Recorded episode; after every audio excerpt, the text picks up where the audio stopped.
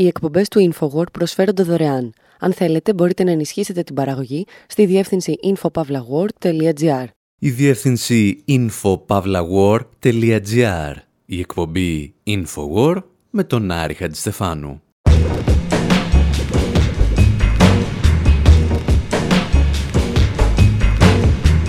όπου σήμερα συζητάμε για τον Χάρη Μπελαφόντε που μας άφησε χρόνους χωρίς να λέμε και πολλά για αυτόν. Αναρωτιόμαστε εάν ήταν νέγρος του σπιτιού ή νέγρος του χωραφιού και πώς έπλεξε με την hip-hop σκηνή των Ηνωμένων Πολιτειών.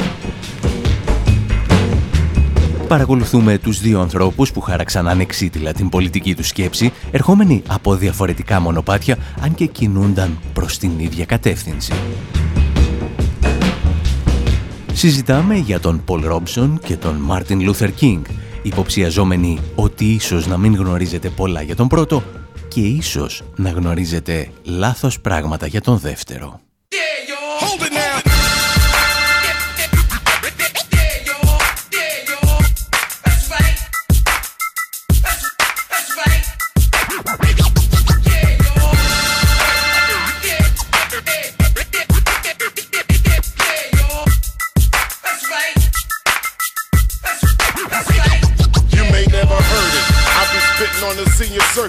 After splitting from the major circus, check how I rework this. Ducking young tigers sitting in the woods. Some cats be up to no. I'm Jack Nicholas to my hood from the belt, Roosevelt. You know what's wild? I never felt like some motherless or fatherless child. So I grew up to change the style. Uh. I don't care what some companies spend, it's inevitable. They cannot prevent the event. Through it all, I tell them all just to stand tall. If I fall, just add another face to the wall. After all, these are the faces they don't show. Cause these are the names they don't want you to know. Yes, we can. Hey! No, we can't. Cause most of my heroes still don't appear in no stamp. Come on!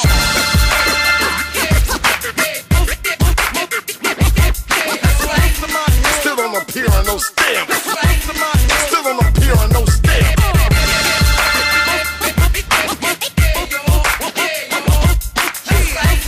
Still don't appear on no stamp.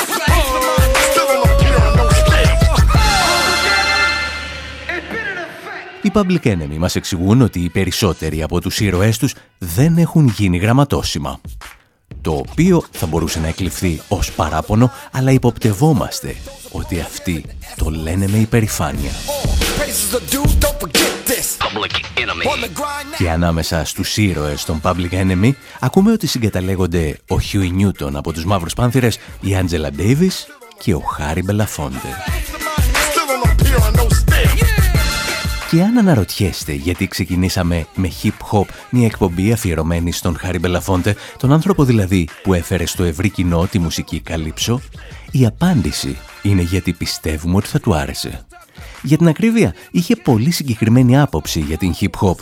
Ήταν, λέει, ό,τι καλύτερο είχε συμβεί τις τελευταίες δεκαετίες, μέχρι που ήρθε ένας κύριος με ένα σακουλάκι και κάτι αργύρια. When I, when I hung out up in the South Bronx with Africa Bambaataa and Melly Mel and watched the dawning of the hip hop culture. Όταν σύχναζα στο νότιο Bronx με τον Άφρικα Μπαμπάτα και τον Μέλι Μιλ, παρακολούθησα την αυγή της hip hop και αισθάνθηκα ότι έρχεται κάτι εκπληκτικό στο μέλλον μας. Ήταν συγκλονιστικό, έως ότου μια μέρα ήρθε κάποιος με ένα σακουλάκι που περιείχε 30 αργύρια και άλλαξε τα πάντα. Ήρθε ο θεσμός του βιασμού και της κερδοφορίας για να διαφθείρει.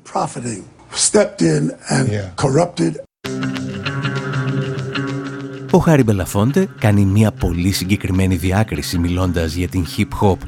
Παρακολουθεί μια πολιτισμική επανάσταση των μαύρων, την οποία κάποιοι προδίδουν μαγεμένοι από τα δώρα που έχουν να τους προσφέρουν τα αφεντικά τους. Και αυτή έλεγε ήταν πάντα η ιστορία των μαύρων στην Αμερική. Το εξηγούσε μάλιστα αναφερόμενος σε αυτή την ιστορική ομιλία του Μάλκομ Έξ. You have to read the history of slavery to understand this. There were two kinds of Negroes. There was that old house Negro and the field Negro. And the house Negro always looked out for his master. Πρέπει να διαβάσετε την ιστορία της σκλαβιάς για να το καταλάβετε. Υπήρχαν δύο είδη νέγρων, ο νέγρος του σπιτιού και ο νέγρος του χωραφιού. Ο νέγρος του σπιτιού πάντα πρόσεχε τα συμφέροντα του αφέντη του. Όταν οι νέγροι του χωραφιού παραφέρονταν, τους επανέφερε στην τάξη, τους γεννούσε στη φοιτεία. Ο νέγρος του σπιτιού το έκανε αυτό γιατί ζούσε καλύτερα από τον νέγρο του χωραφιού. Έτρωγε καλύτερα, ντυνόταν καλύτερα και ζούσε σε ένα καλύτερο σπίτι. Όταν έπαιρνε φωτιά το σπίτι του αφέντη, προσπαθούσε να τη σβήσει.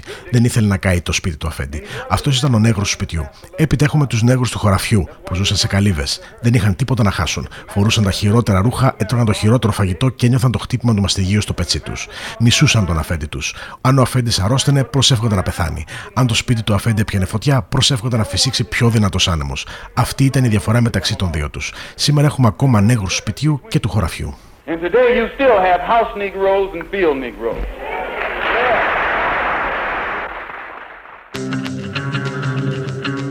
Ο Μπελαφόντε έμαθε λοιπόν από τον Μάλκομ Εξ για τους νέγρους του σπιτιού και τους νέγρους του χωραφιού και αποφάσισε να τους αναζητήσει και στην εποχή μας. Πριν από δύο δεκαετίες δήλωσε δημόσια ότι ο τότε Υπουργός Εξωτερικών Κόλιν Πάουελ και η Σύμβουλος Εθνικής Ασφάλειας Κοντολίζα Ράις ήταν νέγροι του σπιτιού γιατί πρόδωσαν λέει τις ρίζες τους και έγιναν τα πιο πιστά σκυλιά των αφεντικών τους. Το ενδιαφέρον με τη συγκεκριμένη δήλωση για τον Πάουελ ήταν ότι αποτελούσε αυτό που στο σκάκι αποκαλούμε διπλή απειλή ή κίνηση πυρούνη. Δεν χτυπούσε μόνο τους νεοσυντηρητικούς του Μπούς που ετοιμάζονταν για την εισβολή στο Ιράκ, αλλά και τους φιλελεύθερους δημοκρατικούς. Τους ανθρώπους που πίστευαν ότι μπορείς να αντιμετωπίσεις το δομικό ρατσισμό στις Ηνωμένες Πολιτείες αν βάλεις μερικούς μαύρους πολίτες σε θέσεις κλειδιά του κρατικού μηχανισμού.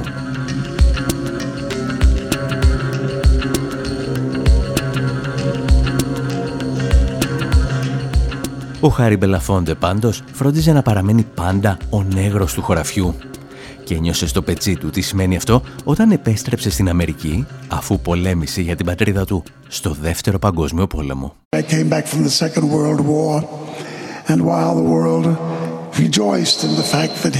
Όταν επέστρεψε από το Δεύτερο Παγκόσμιο Πόλεμο, ενώ όλος ο κόσμος χαιρόταν για την ήττα του Χίτλερ, κάποιοι από εμάς, αντί να καθόμαστε στο τραπέζι της γιορτής για αυτή τη μεγάλη νίκη, ανησυχούσαμε για τις ζωές μας. Γιατί εκείνη την εποχή δολοφονούσαν πολλούς μαύρους στρατιώτες που επέστρεφαν από το μέτωπο. Θεωρούμασταν επικίνδυνοι γιατί είχαμε μάθει πώς να χειριζόμαστε όπλα. Είχαμε αντιμετωπίσει τον θάνατο στο πεδίο της μάχης.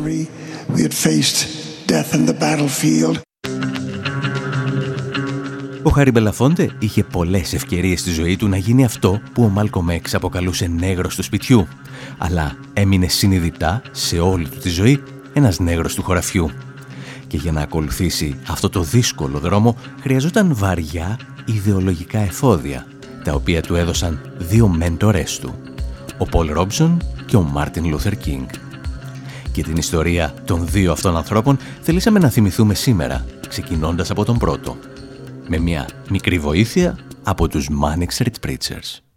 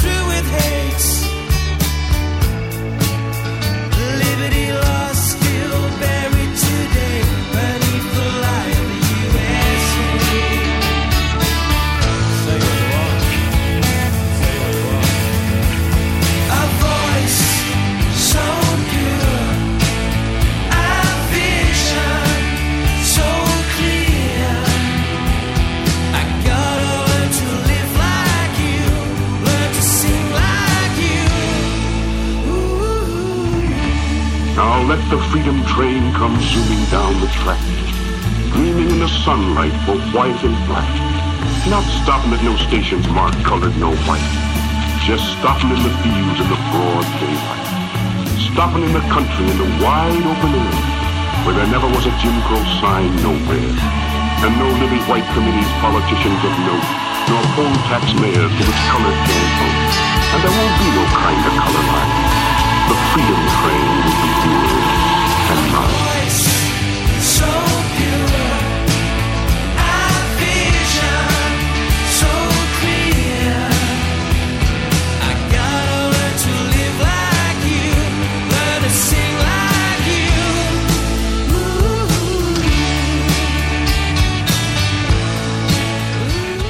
Οι Manic Street Preachers μας παρακαλούν να αφήσουμε τον Ρόμψον να τραγουδήσει και ύστερα λένε κάτι ακατάληπτα για την CIA, μια βροντερή φωνή, τον Φιντέλ Κάστρο και τη Σοβιετική Ένωση, ένα διαβατήριο και το γερουσιαστή Μακάρθη, κάτι τρένα στα οποία χωρούν λευκοί και μαύροι και ύστερα πάλι κάτι για μια καθαρή βροντερή φωνή.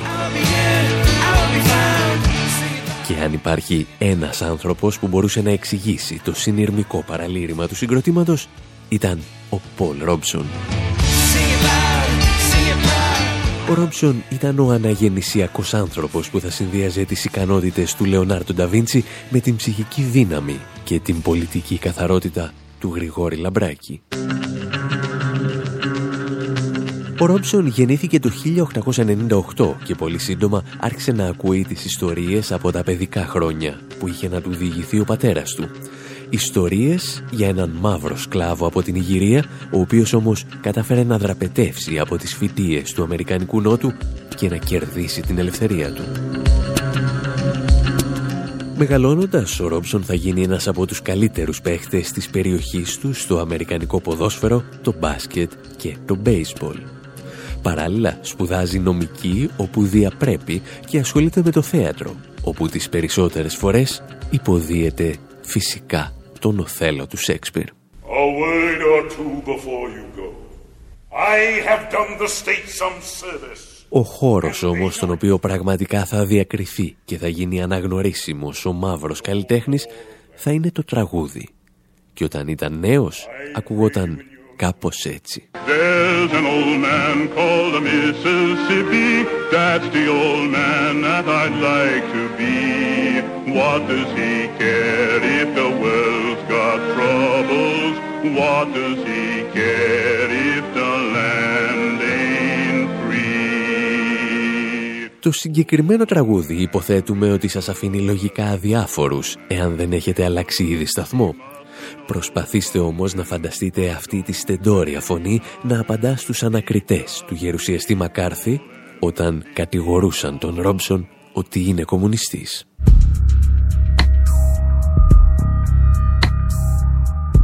Μπαίνουμε στην αίθουσα ανακρίσεων της Επιτροπής Αντιαμερικανικών Δραστηριοτήτων όταν ο εισαγγελέας ρωτάει τον Πολ Ρόμψον αν υπέγραψε τη δήλωση πολιτικών φρονημάτων. Τη δήλωση ότι δεν είχε καμία σχέση με το Κομμουνιστικό Κόμμα. In July of 1954, were you requested to submit a non-communist affidavit? Under no conditions would I think of signing such an affidavit. It is a contradiction of the rights of American citizens. Are you now a member of the Communist Party? Oh, please, please, please. Please answer, William. Δεν θα υπέγραφα ποτέ μια τέτοια δήλωση, εξηγεί ο Ρόψον. Και αν θέλετε, λέει, να μάθετε αν είμαι μέλος του Κομμουνιστικού Κόμματος, θα πρέπει να έρθετε όταν ψηφίζω και να ανοίξετε την κάλπη για να δείτε. Ο Ρόψον κάνει εκείνη τη στιγμή χρήση της πέμπτης τροποποίησης του Αμερικανικού Συντάγματος για να προστατεύσει τον εαυτό του από τον παραλογισμό του Αμερικανικού κράτους. Όταν όμως πρέπει τελικά να απαντήσει τι πιστεύει για τον κομμουνισμό, καθαρίζει το λαιμό του και λέει τα εξής. Κύριοι, καταρχήν, όπου και αν ταξίδεψα στον κόσμο, οι πρώτοι που πέθαναν στη μάχη απέναντι στο φασισμό ήταν οι κομμουνιστές. Εναπόθεσα πολλά στεφάνια επάνω σε τάφους κομμουνιστών. Και αυτό δεν είναι έγκλημα. Είμαστε όμως σίγουροι ότι θα θέλατε να ακούσετε και τον ίδιο να σας τα λέει. You are directed to answer, Mr. Gentlemen, Robson. In the first place, wherever I have been in the world, the first to die in the struggle against fascism were the communists. I laid many wreaths upon the graves of communists. That is not criminal. Εάν τώρα αναρωτιέστε πως το καλύτερο παιδί της τάξης και ο καλύτερος φοιτητής, ποδοσφαιριστής, μπασκετμπολίστας, μπέισμπολίστας, ηθοποιός και τραγουδιστής καταλήγει μαζί με κάτι άλλους κομμουνιστές στο εδόλιο της Επιτροπής Αντιαμερικανικών Δραστηριοτήτων, η απάντηση είναι μία. Ισπανικός εμφύλιος.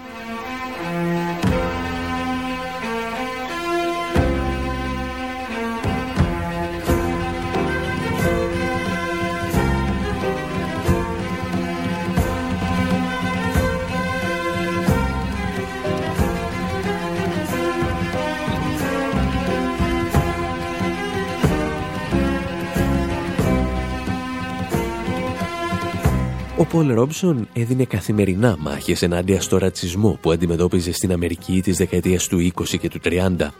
Παρακολουθώντας όμως τις μάχες του Ισπανικού εμφυλίου, συνειδητοποιεί ότι η πραγματική μάχη είναι στη βάση της όχι φιλετική ή εθνική, αλλά πάντα ταξική.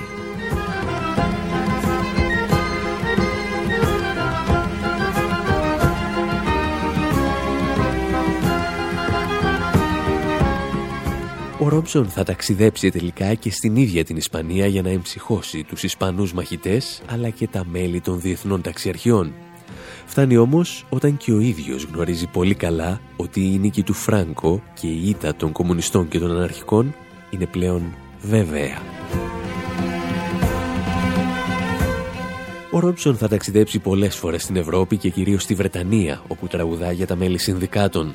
Θα περάσει από την ναζιστική Γερμανία, όπου αντιλαμβάνεται το μέγεθος της απειλής για ολόκληρο τον πλανήτη. Και θα καταλήξει στη Σοβιετική Ένωση, ύστερα από πρόσκληση του Eisenstein. Στη Σοβιετική Ένωση, που όπως έλεγε ήταν η πρώτη χώρα, στην οποία δεν αισθάνθηκε πια νέγρος, αλλά άνθρωπος.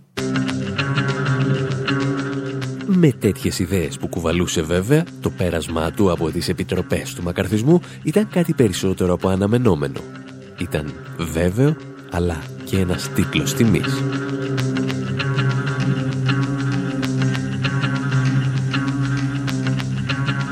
Εσείς πάλι μένετε εδώ, γιατί ύστερα από ένα μικρό διάλειμμα επιστρέφουμε για να γνωρίσουμε καλύτερα τον δεύτερο σημαντικότερο μέντορα του Χάρη Μπελαφόντε.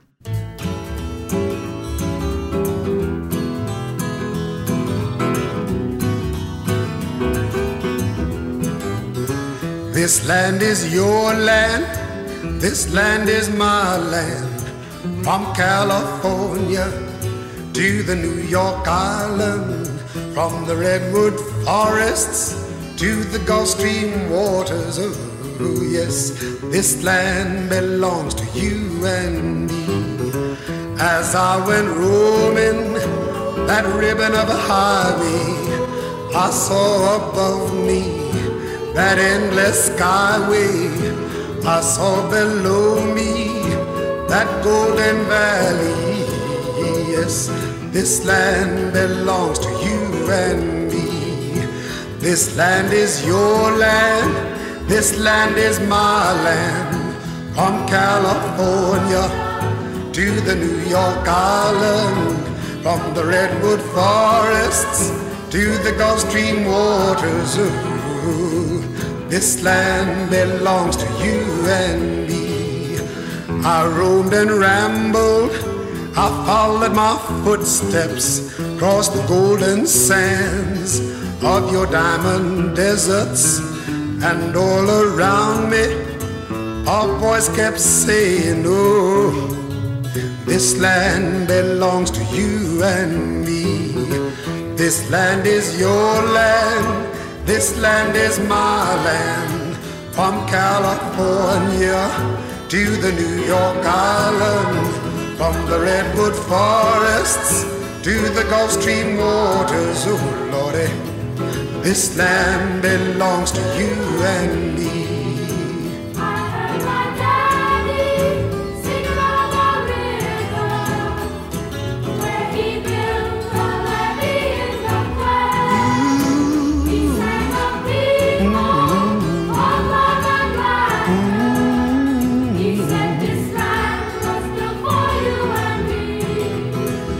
Land is your land. This land is my land. From California to the New York Island. From the redwood forests to the Gulf Stream waters. Ooh, this land belongs to you and me. This land belongs to you and me. This land belongs to you and me.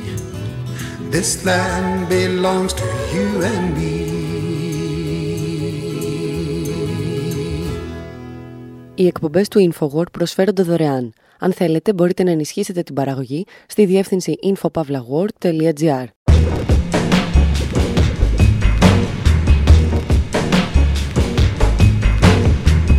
Εκπομπή Infowar, μέρος δεύτερο. Όπου με αφορμή το θάνατο του Χάρι Μπελαφόντε θυμόμαστε τους δύο ανθρώπους που καθόρισαν την πολιτική του σκέψη. Αφού γνωρίσαμε τον κομμουνιστή Πολ Ρόμπσον, συνεχίζουμε με τον ριζοσπάστη Μάρτιν Λούθερ Κίνγκ. Όχι αυτόν δηλαδή για τον οποίο γράφουν τα βιβλία ιστορίας.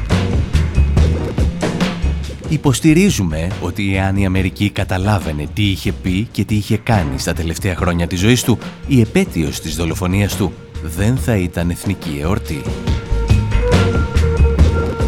Ανακαλύπτουμε δηλαδή έναν μαύρο επαναστάτη που κάποιοι θέλουν να θυμόμαστε μόνο ως ακίνδυνο απόστολο της μη βίας.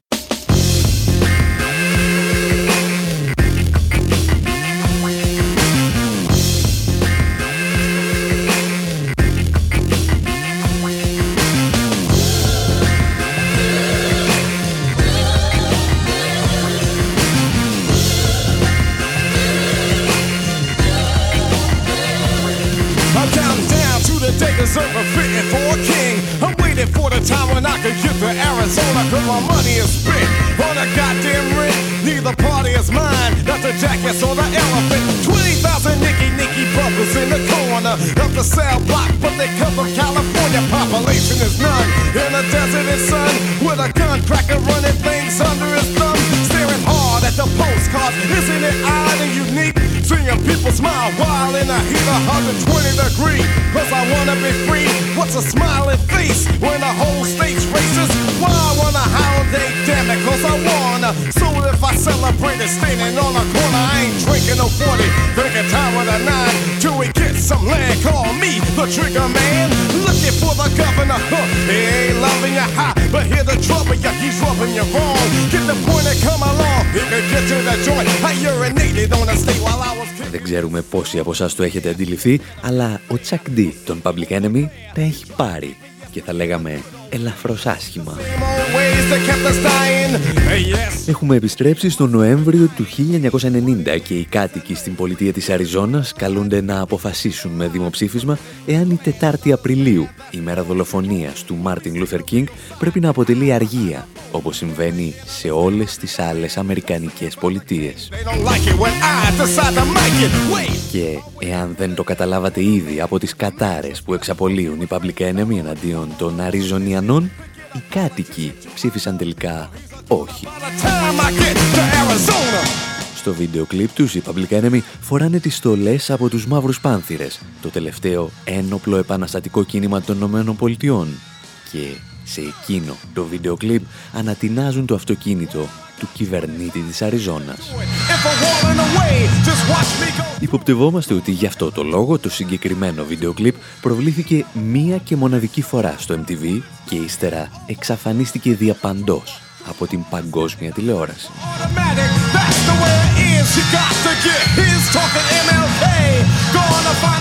Να μας συγχωρέσουν πάντως οι Public Enemy, αλλά στο συγκεκριμένο θέμα εμείς θα διαφωνήσουμε. Η ημέρα δολοφονίας του Μάρτιν Λούθερ Κίνγκ δεν είναι φυσιολογικό να γιορτάζεται σαν αργία στις Ηνωμένες Πολιτείες. Make up, looking for culture. I got my knife for some. Γιατί πολύ απλά ένα καθεστώς τιμά με επετείους είτε κάποιο γεγονός που το έφερε στην εξουσία ή κάποιο γεγονός το οποίο δεν απειλεί την εξουσία του. Και ο Μάρτιν Λούθερ Κίνγκ δεν ανήκει σε καμία από από αυτές τις κατηγορίες. Και φέτος σκεφτήκαμε να σας εξηγήσουμε γιατί το λέμε αυτό. Πρώτα όμως θα αφήσουμε τον Νότι Σπαν, έναν από τους μεγαλύτερους πιανίστες των blues που γνώρισε το Σικάγο, να μας δώσουν το ρεπορτάζ.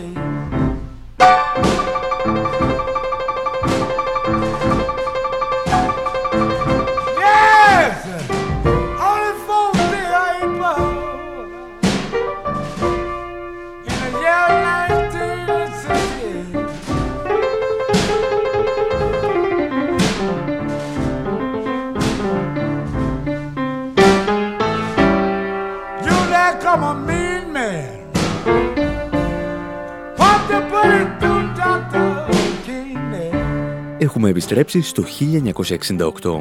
Είναι 4 Απριλίου. Ο Otis Spann πληροφορείται τη δολοφονία του Μάρτιν Λούθερ Κίνγκ και γράφει αυτό εδώ το κομμάτι. Ένα blues μοιρολόι για μία είδηση που στα νυχτερινά δελτία ειδήσεων της εποχής ακούγονταν κάπως έτσι. Direct from our newsroom in Washington, in color, this is the CBS Evening News with Walter Cronkite. Good evening. Dr. Martin Luther King, the apostle of nonviolence in the civil rights movement, has been shot to death in Memphis, Tennessee. Ο παρουσιαστής στις πρώτες του λέξεις χαρακτηρίζει τον Μάρτιν Λούθερ Κίνγκ σαν απόστολο της μη βίας. Έτσι δηλαδή όπως θα τον καταγράψουν τα αμερικανικά βιβλία ιστορίας. Έτσι όπως θα τον κλάψει τρεις ημέρες αργότερα και η Νίνα Σιμών. Εδώ σε ζωντανή ηχογράφηση στις 7 Απριλίου του 1968. We want to do a tune written for today, for this hour, for Dr. Martin Luther King.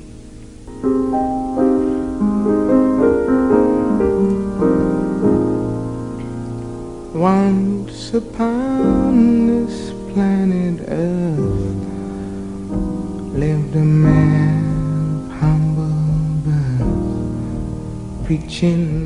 Και η Νίνα Σιμών λοιπόν παρουσιάζει τον Μάρτιν Λούθερ Κίνγκ με την επίσημη εκδοχή του Αποστόλου της Μη Μόνο που το έτος, αν θυμάστε, γράφει 1968 και το 1968 δεν ήταν μια χρονιά για μοιρολόγια.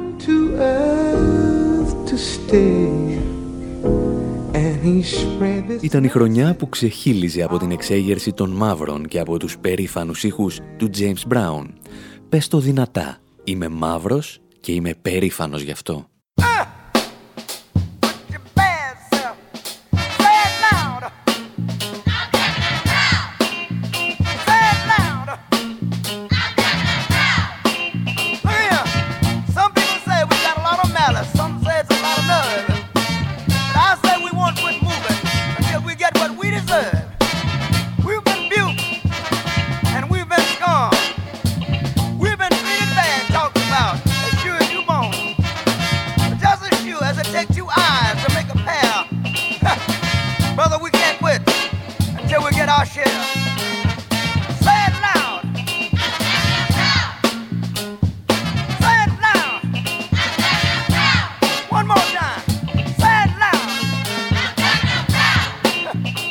Εκεί, στα 1968 λοιπόν, ο άνθρωπος που δολοφονείται στο Μέμφις του Τενεσί δεν είναι ένας απλός απόστολος της ειρήνης που μάχεται για φιλετική ισότητα.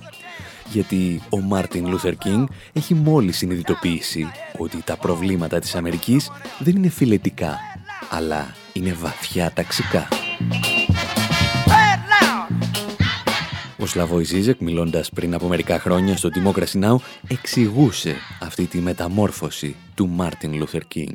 Every child knows here, I have a dream. Κάθε παιδί ξέρει τη φράση I have a dream, αλλά σχεδόν κανείς δεν ξέρει ποιο ήταν αυτό το όνειρο. Δεν ήταν απλώς η φυλετική ισότητα. Ο Μάρτιν Λούθερ Κίνγκ αργότερα έγινε πολύ πιο αριστερός. Αυτό το αποκρύπτουν. Later. That's obliterated. Όποιος παρακολουθήσει τα αφιερώματα που παρουσιάζονται κάθε χρόνο στις Ηνωμένες Πολιτείες αλλά και στην Ευρώπη, ίσως να αντιληφθεί ότι οι αναφορές σταματούν στο 1965. Ο Μάρτιν Λούθερ Κίνγκ όμως δολοφονήθηκε το 68. Να υποθέσουμε ότι για τρία χρόνια παρέμενε σιωπηλός ή μήπως να υποθέσουμε ότι κάποιοι δεν θέλουν να μάθουμε τι ακριβώς έλεγε στα τρία τελευταία χρόνια της ζωής του. Από το 1965 η σκέψη του King γίνεται περισσότερο πολιτική. Δεν μάχεται μόνο για τα αστικά, αλλά και για τα οικονομικά δικαιώματα. Ζητά αναδιανομή του πλούτου. Και το 1965 που πραγματοποιεί αυτή τη στροφή δεν είναι μια τυχαία χρονιά. Είναι η χρονιά που ξεσπούν τα βία επεισόδια στο Λος Άντζελες και αυτή τη φορά το ρεπορτάζ από εκείνες τις ταραχές μας το έδινε ο απεσταλμένος μας, Φρανκ Ζάπα. Wednesday I watched the riot. I seen the cops out on the street. I watched them throwing rocks and stuff and choking in the heat. I listened to reports about the whiskey passing around. I seen the smoke and fire and the market burning down. I watched while everybody on the street would take a turn to stomp and smash and bash and crash and slash and bust and burn.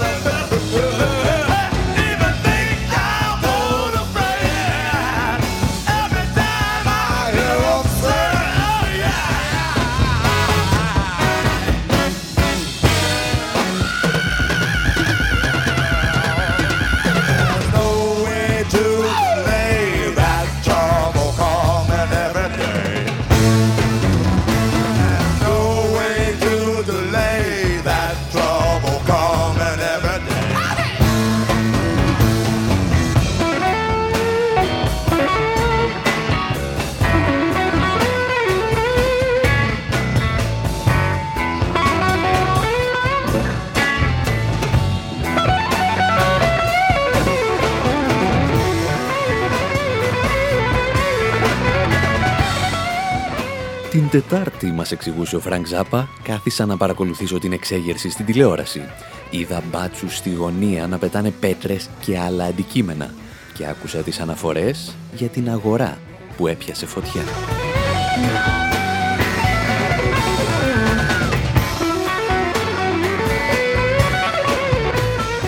Όταν λοιπόν το 1965 ξεσπούν επεισόδια στο Λος Άντζελες, ο μαύρος ηγέτης δηλώνει ότι οι ταραχές δεν είναι φιλετικές.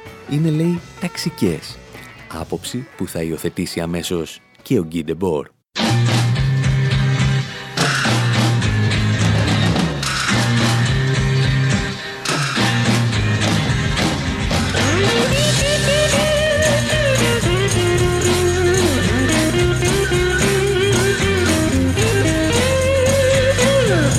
Must be some kind of way out of here.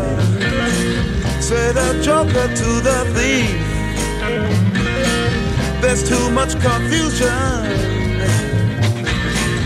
I can't get no relief. Businessman there, drink my wine. Plowman, dig my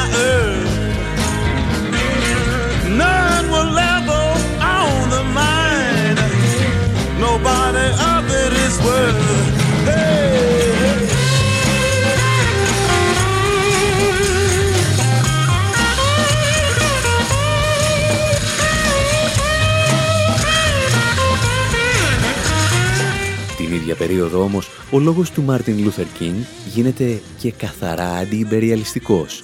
Αποφασίζει να ασχοληθεί με τον πόλεμο του Βιετνάμ Κατανοεί πλέον ότι τα αμερικανικά στρατεύματα δεν μάχονται μόνο τους φτωχούς της Νότια-Ανατολικής Ασίας, μάχονται και τους μαύρους της ίδιας της Αμερικής. Παίρνουμε τους νεαρούς μαύρους άντρες, έλεγε ο Κίνγκ, σακατεμένους από την κοινωνία μας και τους στέλνουμε 8.000 μίλια μακριά. Τους στέλνουμε να εξασφαλίσουν στη Νότια Ανατολική Ασία ελευθερίες που ποτέ δεν γνώρισαν στη Τζόρτζια και στο Ανατολικό Χάρλεμ. Εκείνη την περίφημη ομιλία του Μάρτιν Λούθερ Κίνγκ για το Βιετνάμ είχε γράψει ο συνεργάτης του, Βίνσεντ Χάρντινγκ. Και πριν από μερικά χρόνια εξηγούσε τι ακριβώς είχε στο μυαλό του ο Κίνγκ εκείνα τα χρόνια. King saw these issues not simply as what we call foreign policy issues. Ο Μάρτιν Λούθερ Κίνγκ δεν θεωρούσε ότι αυτά τα θέματα είναι ζητήματα εξωτερικής πολιτικής. Τα έκρινε από τις επιπτώσεις τους στους φτωχούς, αδύναμους και ευάλωτους πολίτες των Ηνωμένων Πολιτειών, όπως και από τη σημασία τους για τους φτωχούς άλλων χωρών. To the poor of other countries.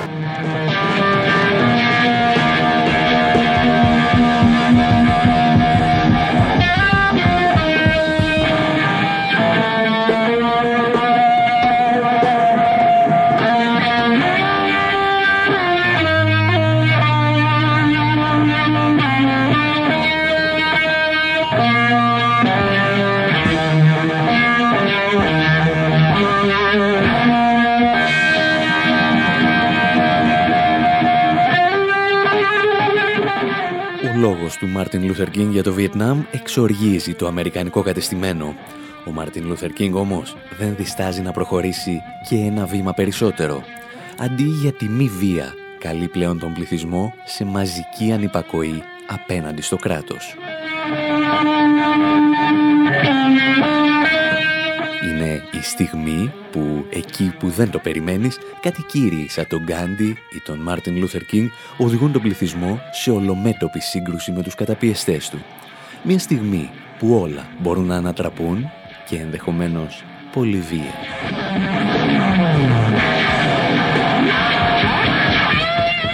Και για αυτή την περίσταση το Αμερικανικό κράτος απαντά με όλα τα μέσα που έχει στη διάθεσή του.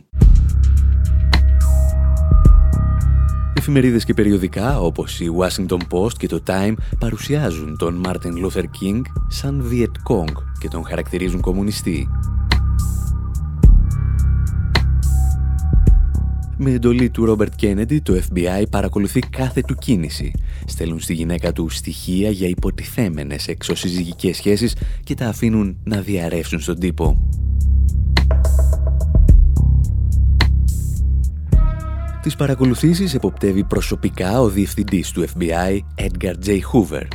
Ο άνθρωπος, ο οποίος είχε λάβει πράσινο φως από τον Νίξον, να φτάσει αν χρειαστεί στα άκρα.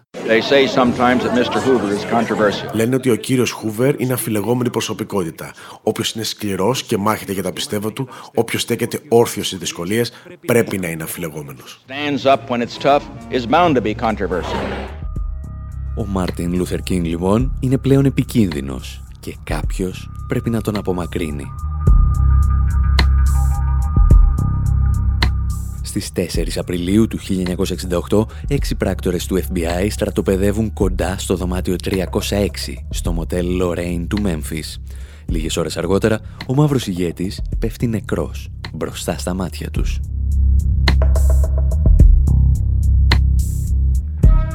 Οι ιστορικοί διαφωνούν ακόμη και σήμερα για το αν το FBI απαρτίζεται από ανίκανους που δεν μπόρεσαν να προστατεύσουν τον μαύρο ηγέτη ή από δολοφόνους που τον εκτέλεσαν εμψυχρό. Χωρίς βέβαια το ένα να αποκλείει το άλλο. Το βέβαιο είναι ότι οι σφαίρες που έπεσαν στο δωμάτιο 306 σε εκείνο το ξενοδοχείο του Μέμφις σκότωσαν και τη χήμερα της μη βίας. Μία από τις λεπτομέρειες που συνήθως αποσιωπούνται από τις επετείους για τη δολοφονία του Μάρτιν Λούθερ Κίνγκ είναι ότι τα επόμενα 24ωρα η Αμερική βάφτηκε στο αίμα. Rioting broke out in more than 100 cities. Ταραχές ξέσπασαν σε τουλάχιστον 100 πόλεις των ΗΠΑ. 20.000 στρατιώτες και 34.000 εθνοφρουροί κινητοποιήθηκαν. Στο Σικάγο, ο δήμαρχος της πόλης έδωσε στην αστυνομία την εντολή να πυροβολεί και να σκοτώνει όσους δεν υπακούν. Σε ολόκληρη τη χώρα σκοτώθηκαν 46 άνθρωποι. Ο Μάρτιν Λούθερ Κίνγκ ήταν νεκρός και η Αμερική καιγόταν. Martin Luther King was dead. America was burning.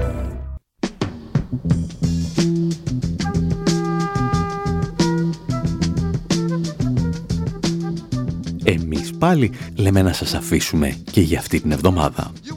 Από τον Άρη Χατζηστεφάνου στο μικρόφωνο και τον Δημήτρη Σαδόπουλο στην τεχνική επιμέλεια, γεια σας και χαρά σας. You will not be able to lose yourself on Skag and skip out for beer during commercials because the revolution will not be televised. The revolution will not be televised. The revolution will not be brought to you by Xerox in four parts without commercial interruptions. The revolution will not show you pictures of Nixon blowing a bugle and leading a charge by John Mitchell, General Abrams, and Spyro Agnew to eat hog maws confiscated from a Harlem sanctuary. The revolution will not be televised. The revolution will not be brought to you by the Schaefer Award Theater and will not star Natalie Woods and Steve McQueen or Bullwinkle and Julia. Revolution will not give your mouth sex appeal. The revolution will not get rid of the nub. The revolution will not make you look five pounds thinner because the revolution will not be televised, brother. There will be no pictures of you and Willie Mae pushing that shopping cart down the block on the dead run or trying to slide that color TV into a stolen ambulance. NBC will not be able to predict the winner at 8.32 on report from 29 districts. The revolution will not be televised. There will be no pictures of pigs shooting down brothers on the instant replay. There will be no pictures of pigs shooting down brothers on the instant replay. There will be no pictures of Whitney Young being run out of Harlem on a rail with a brand new process. There will be no slow motion or still life of Roy Wilkins strolling through Watts in a red, black, and green liberation jumpsuit that he has been saving for just the proper occasion. Beverly Hillbillies, and Hooterville Junction will no longer be so damn relevant, and women will not care if Dick finally got down with Jane on Search for Tomorrow, because black people will be in the street looking for a brighter day. The revolution will not be televised. There will be no highlights on the 11 o'clock news and no pictures of Harry armed women liberationists and Jackie Onassis blowing her nose. The song will not be written by Jim Webb or Francis Scott Keys, nor sung by Glenn Campbell, Tom Jones, Johnny Cash, Engelbert Humperdinck, or The Rare Earth. The revolution will not be televised. The revolution will not be right back after a message about a white tornado, white lightning, or white people. You will not have to worry about a dove in your bedroom, the tiger in your tank, or the giant in your toilet bowl. The revolution will not go better with coke. The revolution will not fight germs that may cause bad breath. The revolution will put you in the driver's seat. The revolution will not be televised, will not be televised, will not be televised, will not be televised. The revolution will be no rerun, brothers. The revolution will be live.